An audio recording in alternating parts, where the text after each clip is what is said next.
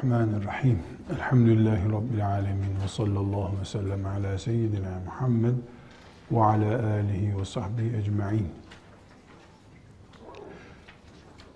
Kadının siyasetteki yerini konuşabilmemiz için önce siyasetten söz etmemiz lazım. Siyaset insan topluluğunun idare edilmesi, yönetilmesiyle ilgili bilim ve sanata verilen isimdir. İnsan olmanın diğer mahluklarla farkını oluşturan en temel özelliklerden bir tanesinin insanların hayvanlar gibi ve diğer mahluklar gibi doğada bulundukları şekilde yaşamayıp birbirlerini idare ederek toplum kuralları koyarak yaşadıklarıdır. İnsan böyle bir varlıktır. Bunun içinde mükerremdir. Koyunlar doğarlar, vadilerde, ormanlarda otlarlar, sütleri sağılır, vakitleri gelince kesilir giderler. Koyunlar günün birinde bir federasyon filan kurmaya hiçbir zaman yeltenmezler. Koyunlar şu şekilde kesilsin, bu şekilde kesilmesin diye bir hak talebinde bulunamazlar. Hayvan çünkü. İnsan ise ne zaman, nerede, nasıl yaşamak istediğine dair kuralları vardır. Allah da zaten insan için kurallar koymuştur. Hayvanlar için herhangi bir kural e, konmamıştır. Hayvanlar insanların hizmetindedirler denip geçiştirilmiştir. Şimdi insan topluluğunun en temel farklılıklarından biri organizeli oluşudur diyoruz. Organize bir toplumdur insan. Kendi halinde de insan organizelidir. Evinde oturduğu yer bellidir. Yemek yediği yer farklıdır. Yemek yeme saati vardır. Ee, yani insan farklı. Aynı şey birey olduğu gibi toplum olarak da e, farklıdır. Yani insanlar camiye girerken belli düzenleri vardır. E, çarşıya, markete girmelerinde belli bir düzen vardır. Mesela e, koyunlar e, ahıra girecekleri zaman açık nereyi bulurlarsa oradan girerler. Çıkarken de açık nereyi bulurlarsa oradan çıkarlar. İnsanlar bir markete girerken giriş bölümü var, oradan çıkılmıyor. Çıkış bölümü var, oradan girilmiyor. Camiye girerken de bir kural var. Ayakkabılar şuraya konuyor. E, şuraya oturuluyor. E, çarşıya girerken de bir kural var. Trafikte yürürken de bir kural var. Yani hayat kurallar içerisinde yaşanıyor. Yaşanması gerekiyor. Siyaset budur işte. Biz her ne kadar siyaset deyince işte bir ülkeyi en tepeden yöneten iki üç kişinin adına siyaset yapmak diye bir sanat adını veriyoruz. Yahut da onları bir araya getiren şimdi parti deniyor. Partinin e, varlığına siyaset diyorsak da bu çok yüzeysel ve baştan savma bir ifade olmuş olur. Siyaset e, insanların camiye girişini de eğer bir düzenle sağlıyorsak bir markete girerken giriş bölümü çıkış bölümü var diyorsan e, metroya binerken turnikeden şuradan geçilir, şuradan atlanmaz diyorsan burada da bir siyaset var. Çünkü metroya binecek insana metroya binme kuralı getiriyorsun. Şuradan bin, buradan binme diyorsun. Trafikte şurada durulur, burada durulmaz. Şu yönden git, buradan gitme diyorsun. Trafikte de bir siyaset var. Metroya binmekte de siyaset var. Evin e, tertip düzeninde de siyaset var. E, bir apartmanda şu şurada olur, bu burada olur, zile şurada basılır, burada basılmaz diyorsun. Bunlar hepsi siyasettir. Yani siyaset insanın yönetilmesi, insan topluluğunun idare edilmesi demektir. Siyaset budur. Siyaset bu ise eğer yani insanın yönlendirilmesi ise eğer o zaman insanların siyasetinde bir adil siyasetten iki zalim siyasetten söz edebiliriz. Adaletin aksi zulümdür. Zulüm de yapabilir insanlar siyaset adı altında. Adalet de gerçekleştirebilirler. Eğer Müslümanlar adaletle iş yapmazlarsa onun yerini zulüm alır. Zulüm hem onların eziyetli bir hayat yaşamalarına sebep olur hem de Allah'ın katında hesabını verecekleri bir hata işlemiş olurlar. Çünkü Müslüman e, zulm etmeyeceği gibi zulme rıza da gösteremez. Allah'ın temel şeriat kanunlarından bir tanesi budur. Demek ki cümleleri tekrar toparlayacak olursak, siyaset insanın camiye girişinden, metrosundan ülkesinin yönetimine kadar, belediyesinin muhtarlığının yönetimine kadar insanın sevki idare edilmesi için e, gereken sisteme ve idareye verilen isimdir siyaset. Siyaset deyince bunu kastediyoruz. Bu siyaset eğer e, Allah'ın murad ettiği şekilde yürütülürse buna adil siyaset deriz. Hayır, bu siyaset bir zulüm mantığıyla yürütülürse buna da zalim siyaset adını veririz. Elbette Müslüman için ne zulmetmek ne de zulme razı olmak kabul edilemeyeceğine göre Müslümanlar adil siyaset, adaletle yapılmış bir siyasetin taraftarıdırlar. Tıpkı ezanlarımız okunsun, ezansız kalmayalım diye bir mücadele yapacağı gibi Müslümanlar siyasetimizde adaletle olsun diye düşünürler. iman ederler.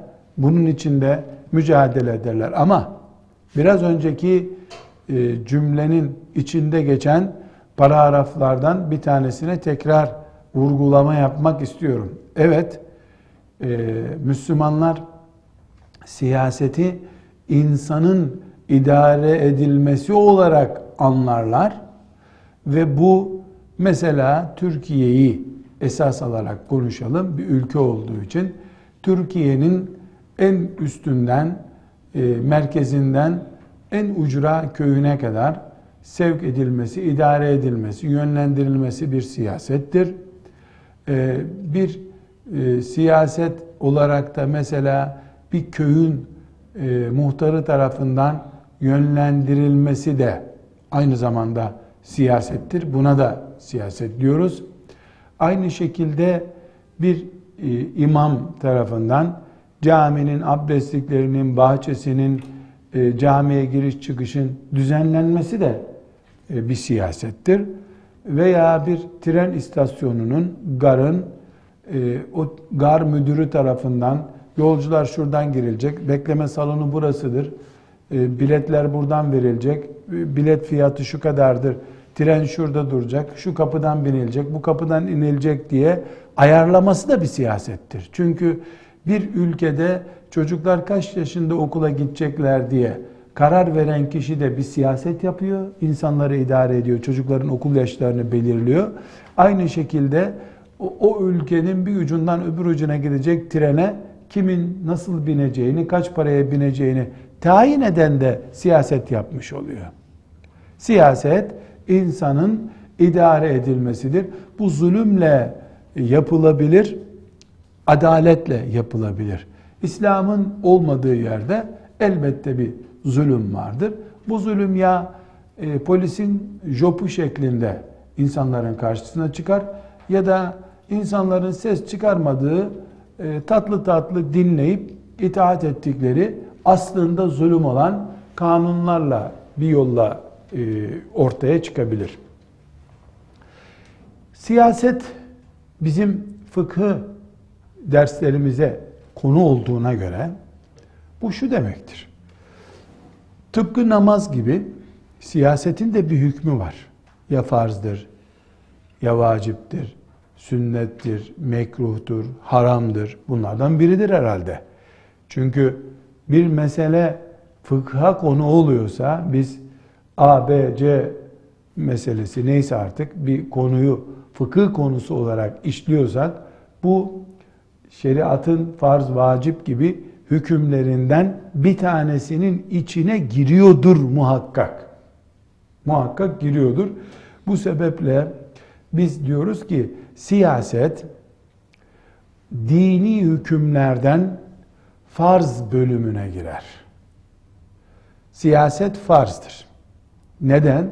Çünkü e, biraz önce dedik ki camiye girmekten e, trene binmeye varıncaya kadar insanların çocuklarının hangi yaşta okula gideceğini belirlemeye varıncaya kadar işte tarlalarda ne ekileceğinin kararına varıncaya kadar insanla ilgili direkt ve dolaylı her şey hakkında karar veriliyor siyasette. E bu kadar insanla birinci dereceden alakalı bir konuyu bir Müslüman olarak biz dinin dışına hiçbir şekilde itemeyeceğimiz gibi yani böyle bir şey tasavvur etmemiz mümkün olmayacak. Yani siyaset e, din dışıdır dediğimiz zaman hayattan kopuk bir dinimiz var demektir. E, siyaset dinin içinde olduğuna göre ya da din siyasetin içinde olduğuna göre o zaman bir hükmü olması lazım. Bu hüküm Müslümanın siyasetten ne kadar etkileneceğine göre değişecek bir hükümdür. Siyaset bir bütün olarak Müslümanların hayatını yüzde on etkiliyor olsa yani olmazsa yüzde on bir eksiklik oluyor olacak olsa siyaset sünnetlerden bir sünnettir derdik. Misvak kullanmak gibi. Misvada sünnet diyoruz. Siyaset yapmak da sünnettir deriz. Ama bakıyoruz ki camiden, okuldan, evden, e, caddeden, çarşıdan, hiçbir yerden siyaseti atamıyoruz. Allah alkol kullanılmasın diyor. E, siyaset alkole evet veya hayır dediği zaman bu hüküm geçerli oluyor. Allah faizi size haram ettim diyor. Siyaset yasaktır faiz demedikçe faiz kalkmıyor piyasadan. Yani Allah'ın emirleri ve yasakları kökünden dalına kadar, budağına kadar her şeyde siyasetle yönlendiriliyor. Ömer bin Hattab radıyallahu anh ümmeti Muhammed'in adil insanı, ümmeti Muhammed'in devletini oluşturmuş, kurmuş, geliştirmiş bir insan siyaset yapmış. Yaptığı siyaset İslam'a hizmet olarak dönmüş. Sonra başkaları gelip Ömer'in başlattığı adaletli sistemi zulme çevirmişler. İslam ve Müslümanlar bundan zarar görmüşler. Demek ki siyaset Müslümanı birinci dereceden ilgilendiriyor. Abdestin namazı ilgilendirdiği kadar siyaset de Müslümanın hayatını ilgilendiriyor. Biri çıkıp cahilce yok siyasetle bir alakası Müslümanın diyecek olsa onun akılla alakası olmadığını anlamış oluruz biz. Biraz aklı olan siyasetsiz Müslüman olamayacağını düşünür. E peki aktif olarak bütün Müslümanlar fiilen bir siyasi partinin içinde bulunup e, siyasi görevler almış olmaları mı anlamına geliyor? Hayır. Bu anlamada gelmiyor. Çünkü siyaset farzdır dedik ama farzın kifaye bölümündendir. Farzı kifayedir. Nasıl İstanbul'da Ahmet isimli bir Müslüman öldüğünde onun cenazesi Müslümanların üzerine farzdır. Aksi takdirde farzı terk etmiş olma vebali işlemiş olacaklar. Ee, ne yapıyor Müslümanlar o zaman? Ahmet'in ölünce cenaze namazını farz olduğundan dolayı kılıyorlar. Peki Müslüman insanlar İstanbul'da ölen Ahmet'in cenazesine Kars'tan, Edirne'den, Yemen'den, Nijerya'dan her yerden geliyorlar mı İstanbul'da Müslüman bir Ahmet öldü diye? Hayır. İstanbul'daki 10 Müslüman onun cenazesini hatta ona da gerek yok. 3 Müslüman cenazesini toplanıp kılarlarsa farz yerini buluyor. Dolayısıyla e, Nijerya'dan Yemen'e kadar bütün Müslümanlar bu görevden muaf olmuş oluyorlar. Ama hiç kimse kılmamış olsaydı e, o Ahmet'in cenazesinden e, çevreye doğru yayıldıkça dalgalar şeklinde bütün Müslümanlar cenazesi kılınmayan Ahmet'ten sorumlu olacaklardı. Siyaset de farzı kifaye bir görevdir. Ne demek? Yani mühim olan Müslümanların siyasetinin icra edilmesidir. Ee, Allah'ın emirleri, yasakları, insanların temel ihtiyaçları açısından Allah'ın şeriatına uygun bir yaşam tarzının kuralları konuyor. Polis düzeni kuruldu, vergi düzeni kuruldu ve işliyor. E, Müslümanların e, ülkesindeki ticaret düzenli yürütülüyor. Tarım düzenli yürütülüyor. Çarşı pazar, yollar yapılıyor. Tamam. Müslümanların siyaseti yapılıyor. Tıpkı İstanbul'dan ölen Ahmet'in cenazesini İstanbul'daki 10 tane Müslüman Fatih Camii'ne götürüp kılıp cenaze görevini yerine getirdiklerinde Kocaeli'nden, İzmir'den, Erzurum'dan hiçbir Müslüman hesap vermiyorlar artık. Neden? Ahmet'in cenazesi ortada kalmadı.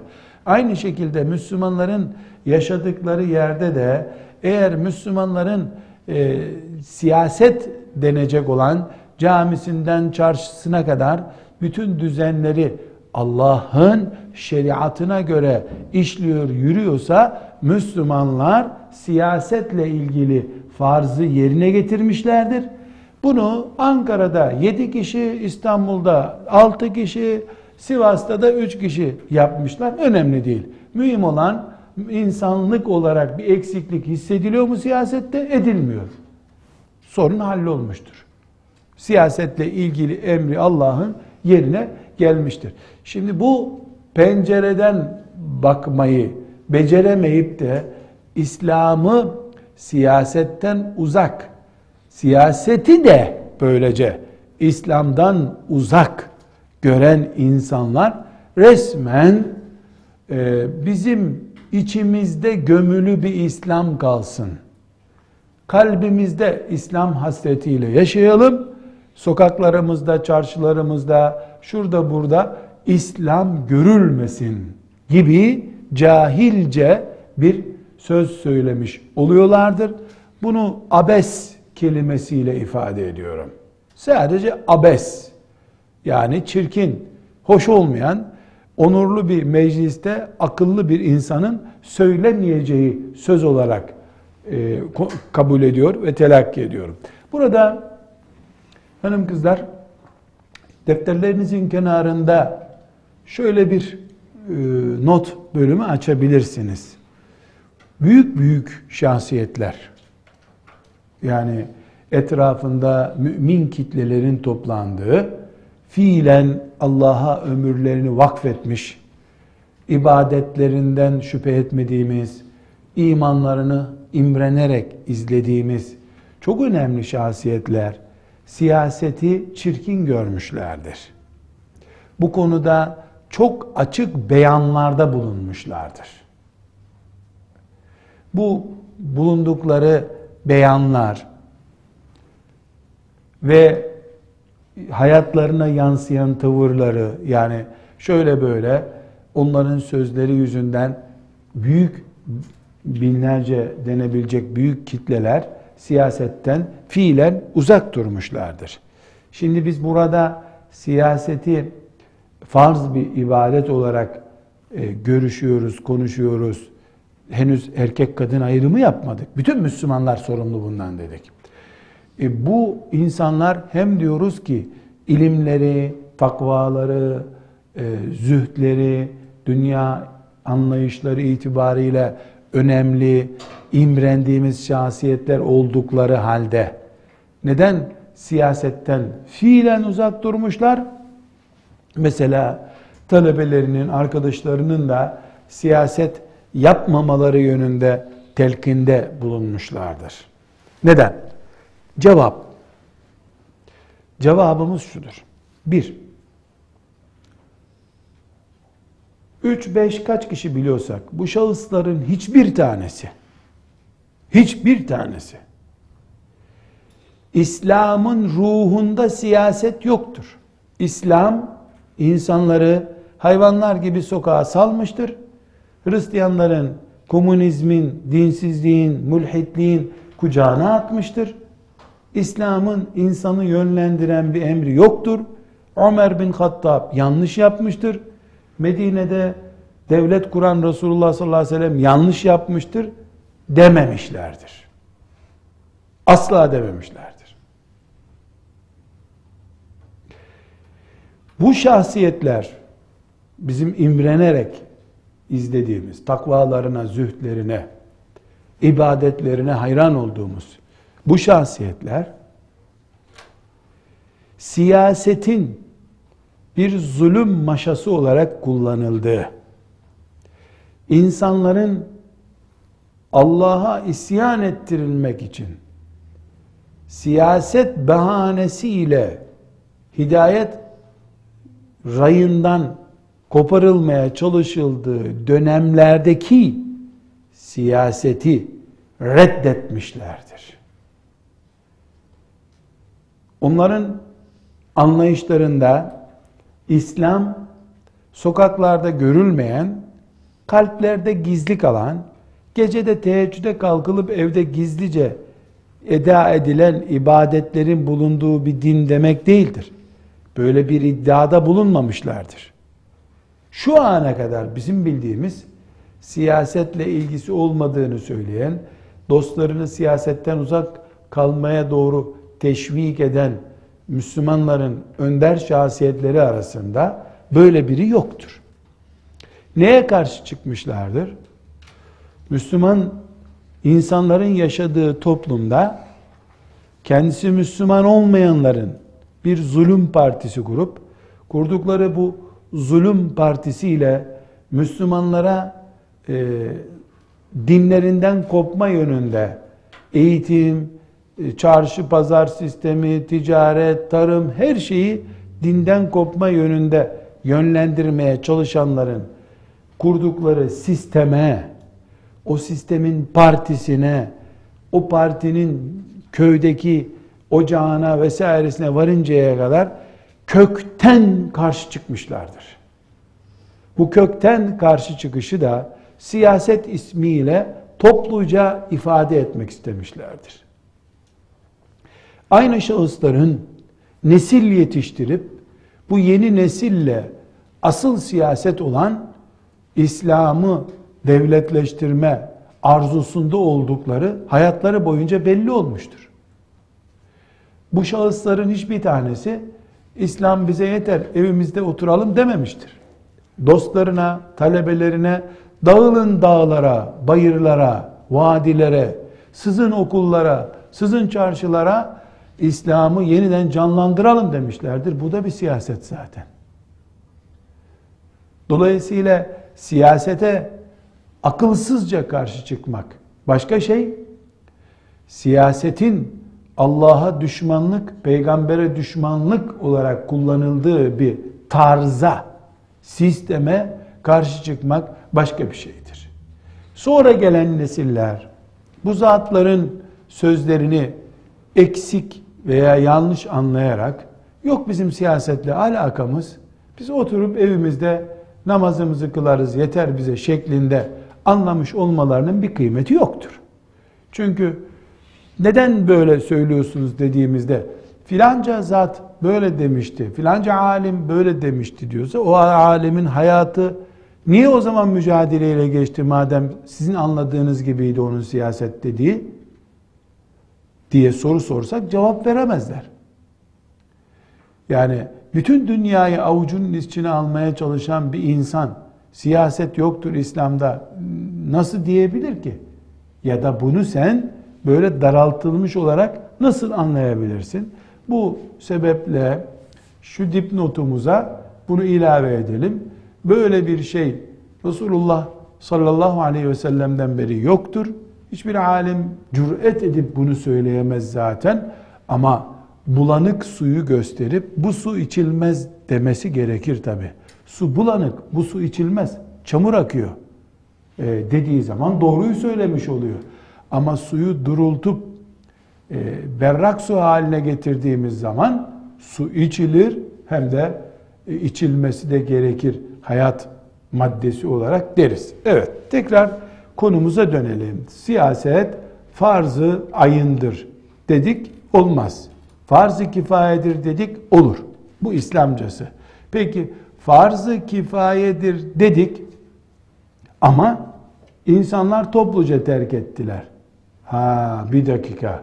O zaman geri dönüyoruz. Hayır, hayır. Farz-ı ayına dönüşür bu. Aman dikkat edin. Eğer üç tane, beş tane, on tane Müslüman kendisini feda ederek siyasette hizmeti biz yürüteceğiz inşallah demezlerse o zaman bütün Müslümanlar siyasetle fiilen ilgilenmek zorunda kalırlar. Peki e, Müslümanlar siyasetle farz-ı kifaye düzeyinde ilgilenecekler. E, cenaze namazından örnek verdik. Dedik ki cenaze namazında e, İstanbul'da ölen Ahmet'i üç Müslüman Allahu Ekber deyip dört, dört tekbirle namazını kılsalar bir milyar Müslüman bu sorumluluktan kurtuluyor. Fatih Camii'nin avlusunda adamın cenazesini bırakarlarsa bir milyar Müslüman bundan sorumlu oluyor. Dalga dalga herkes sorumlu oluyor. Peki bu sorumluluğu gidermek için herkes aktif olarak cenaze namazına mı koşması gerekiyor? E, herhalde herkes kendine bir görev seçmeli. Kimisi mezarını kazmaya görev almalı. Kimisi farz-ı kifaye yerine gelecek ya. Kimisi evde taziye işini üstüne almalı. Kimisi cenazesini yıkamalı. Kimisi kefenini bulmalı. Kimisi de cenazesini yıkı, kılacak iş yapmalı. Kimi de omuzunda taşıyıp mezara götürmeli. Yani herkes bunun bir yerinden tutacak.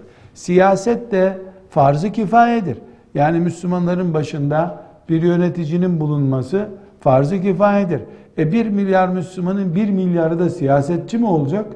Bir dakika. Böyle bir şey olmaz ki zaten. E ne olacak peki? Bir tanesi Müslümanları yönetecek. O yöneticinin alt kadroları, onların alt kadroları, onların alt kadroları olacak. Bir kısmına da o yöneticiyi seçmek için oy kullanma görevi düşecek sadece.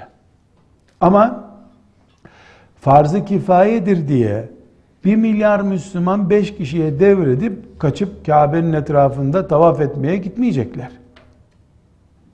E, herkes bu e, görevin bir yerinden tutacak. Kime ne kadar düşüyorsa, kim neyi becerebiliyorsa, kimi parasıyla destek olacak, kimi bedeniyle destek olacak, kimi yazısıyla, çizisiyle destek olacak, kimi de fiilen görev alacak. Ümmeti Muhammed'in de siyaset görevi yerine getirilmiş olacak. Peki burada biz kadın bölümünü nasıl ayıracağız? Kadın siyasette nerede duracak? Çünkü biz kadın fıkhı okulunda kadının siyaseti diye bir ders yapıyoruz. Siyaseti bir yere oturttuk. Bu oturttuğumuz yerden farz-ı kifaye olduğunu anladık. Kadın ümmeti Muhammed'in aleyhissalatü vesselam yarısından fazlasını oluşturuyor. Bu cuma namazı gibi bir şey olsaydı cuma namazı kadına farz değil deyip oturmuştuk. Siyaset kadına farz mı ya da farz-ı kifaye ise farz-ı kifaye mi dediğimiz zaman burada dururuz. Erkeğe zaten belli bir barikatlardan sonra, belli bir kapasiteden sonra erkeğe sen siyasetle ilgilenmek zorundasın diyoruz. Kadın için de aynı kural geçerli. Kadının aktif olarak siyasette görev alması bir başlık, yazısıyla, sözüyle destek alması, vermesi başka bir başlık. Aynı şekilde e, oy vererek des, destek olması başka bir başlık. Kadın kendisine farz-ı ayn olan temel işlerden artırdığı vakitler işlerde vakitlerde farz-ı kifayelerle ilgilenir.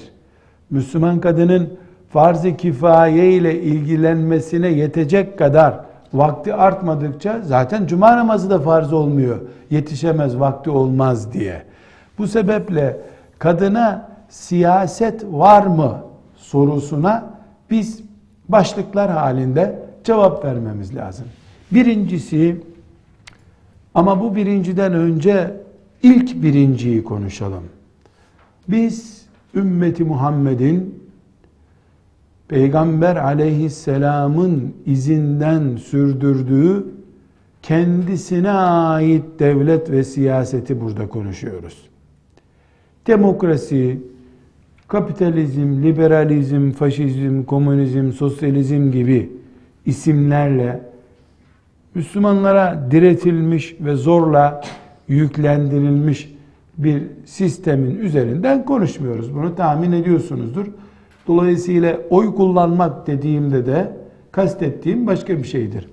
Elbette Müslüman erkek veya kadın bulunduğu yerde siyaset yapmak caiz olmayan bir yer olsa bile o yerde Müslüman cihat maksadıyla üzerine zorla giydirilmeye çalışılan İslam dışındaki kıyafetleri, İslam dışındaki sistemleri atıp sıçratıp atmak ve onun yerine Ömer bin Hattab'ın mantığını hakim kılmak için yaptığı mücadelede de Müslüman oy kullanır veya başka bir şey kullanır.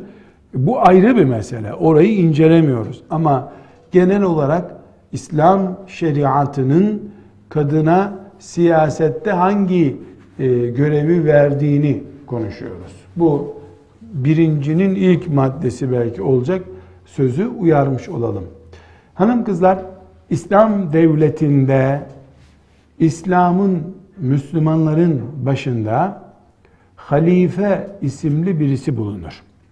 Halife bugünkü anlayıştaki başbakana benzemez. E, Cumhurbaşkanına da, da pek benzemez. Bildiğiniz isimler olduğu için özelim. Başbakandan çok daha yetkili, e, sorumluluğu çok olan, yetkileri de çok olan birisidir halife.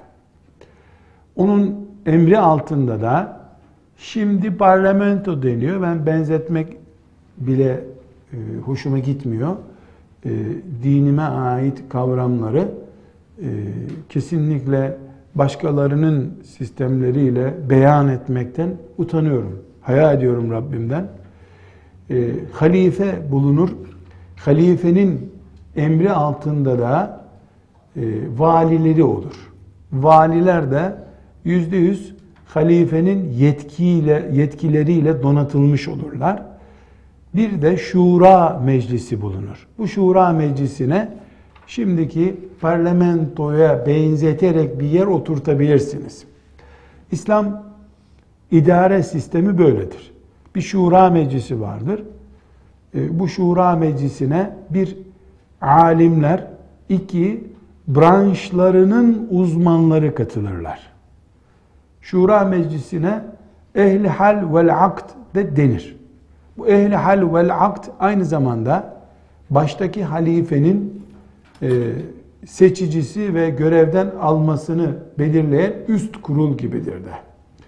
Şura Meclisi ya da ehli hal vel akd dediğiniz grupta e, alimler bulunurlar. Mesela kimya ilminden uzman üç kişi bulunur. Sendikalardan birer temsilci bulunur. E, mesela astronomiyle meşgul olan iki kişi bulunur. Tıpla meşgul olan beş kişi bulunur.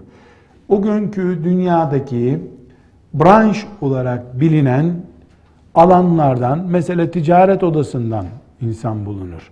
Toplam dünyada zaten 50-100 branş varsa meslekler itibariyle tıp bir branş, fizik bir branş gibi işte şöyle kabul edin Ee, üniversite sistemi oturmuş bir ülkede üniversitelerde toplam kaç branş var? Matematiksel bölümlerde ve e, sayısal sözel bölümlerde kaç branş var? Bunlar dünyanın bilimsel ihtiyacını karşılayan e, mesela işte işçi işveren ilişkisi için işletme bölümleri var. Mesela e, okullar için matematik öğretmenliği bölümü var. Misal matematiğinden vesairesine kadar bu branşlardan temsilciler bulunur. Bir de e, fıkıh alimleri bulunur. Buna şura meclisi adı verilir. Bunlar e, idare ile ilgili kuralları koymada, kuralları tatbik etmede yetkili olurlar.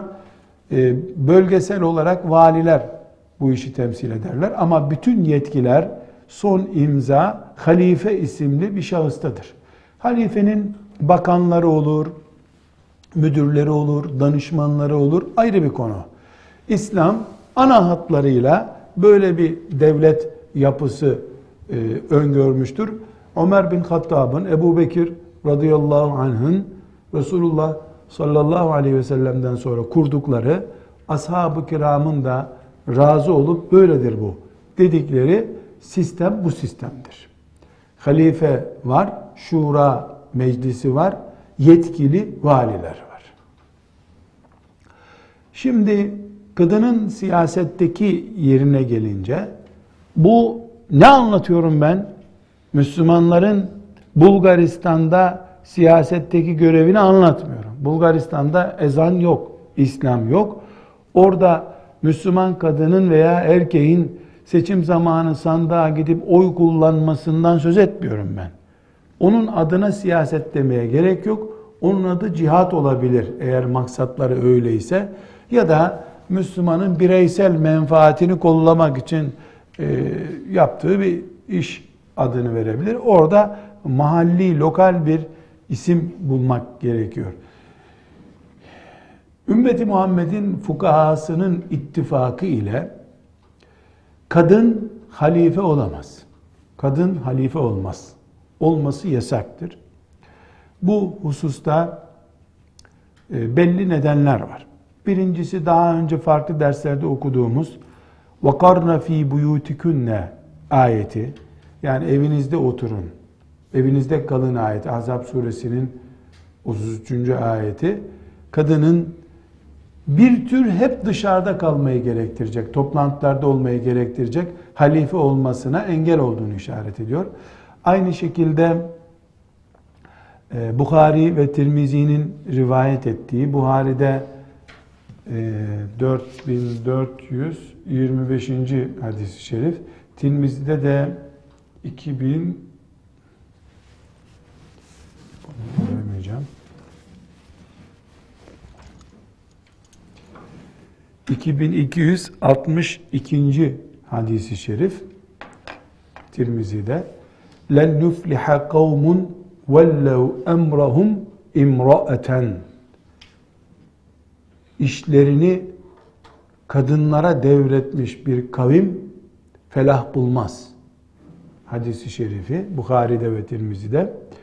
Bu hadis-i şeriften dolayı da e, halifenin yani bir tür bütün Müslümanların sorumluluğunu üstlenmiş olan halifenin kadın olmasının yasak olduğu anlaşılmaktadır. Ve asıl temel ilke de Nisa suresinin 34. ayetidir. Bu 34. ayeti Er-ricalu kavvamuna alen nisai ayetidir. Er-ricalu erkekler kavvamune alen nisai kadınların üzerinde yetkilidirler. Ayeti bir evde kadın, koca, iki çocuk, beş çocuk neyse 7-8 nüfuslu bir evde bile e, kadının birinci kişi olmasını men etmektedir ayet. Bir milyarı bulan ümmetin başına bir kadının getirilmesi ayetin ruhuna aykırı.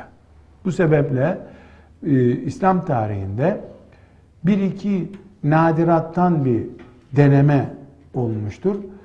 E, Yani bir Memlukiler e, döneminde Şeceretü Dür isimli bir kadın Eyyubi devletinin başına geçmiş birkaç günlüğüne. E, fakat e, çok ciddi bir ulema tepkisiyle kadıncağız kendi saltanatından, kendiliğinden ferahat etmiş. Yani çok kısa bir dönem e, korsan bir olmuş. İşte Osmanlılar'da 4. Murat e, dönemine ait çalkantılı işte Osmanlı Sarayı'ndaki çalkantıları biliyorsun ama fiilen bir kadın yine e, iktidara gelmiş gibi diyelim olmamıştır. Her halükarda e, daha sonraki dönemleri zaten adını besmele ile başlamayan e, sistemlerdeki e, kadın mı geldi, erkek mi geldi çok önemli değil artık. Kim gelirse gelsin o sistemde. Ama her halükarda ümmeti Muhammed biz diye kadınını dünya toplumunun önüne çıkarmayan bir ümmettir. Meselenin özeti budur. Ümmeti Muhammed'in başında halife olarak bir kadının bulunamayacağı konusunda e, farklı bir iştihat yoktur. Bu konuda filan mezhep şöyle demiştir, filan mezhep böyle demiştir diye bir uygulama yoktur. Söz birliği mi, oy birliği mi ne diyecekseniz deyin bu böyledir. E, halife dışında diğer görevlere gelince görevleri bakanlık dahil ikiye ayırırız.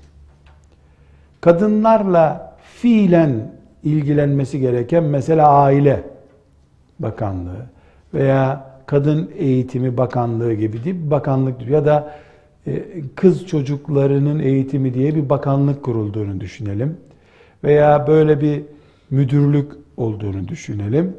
Ya da böyle bir müsteşarlık bugünkü dünya siyaseti literatürüne göre olduğunu düşünelim.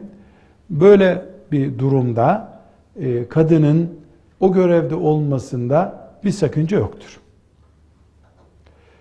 E, bilhassa Ebu Hanife rahmetullahi aleyhin iştihatlarında kadının e, kadı olması yani mahkemelerde yetkili hakim olması konusuna sıcak bakılmıştır. Bilhassa kadınları alakadar eden konularda bunu tavsiye bile edilmiştir diyebiliriz. E, Şura meclisinde de kadının kendisine mahsus bir bölümde bulunmasında bir sakınca yoktur. Neden yoktur? E, çünkü kadınların da toplumu temsil eden yönlerinin özel kadın sorunları olarak gündeme getirilmesi açısından ihtiyaç da şüphesiz vardır. Ama burada kadının evini terk etmesi diye bir başlık ki bunu açacağız. Kadının yani bir dersimiz de kadının evinden çıkması diye bir ders yapacağız biz inşallah.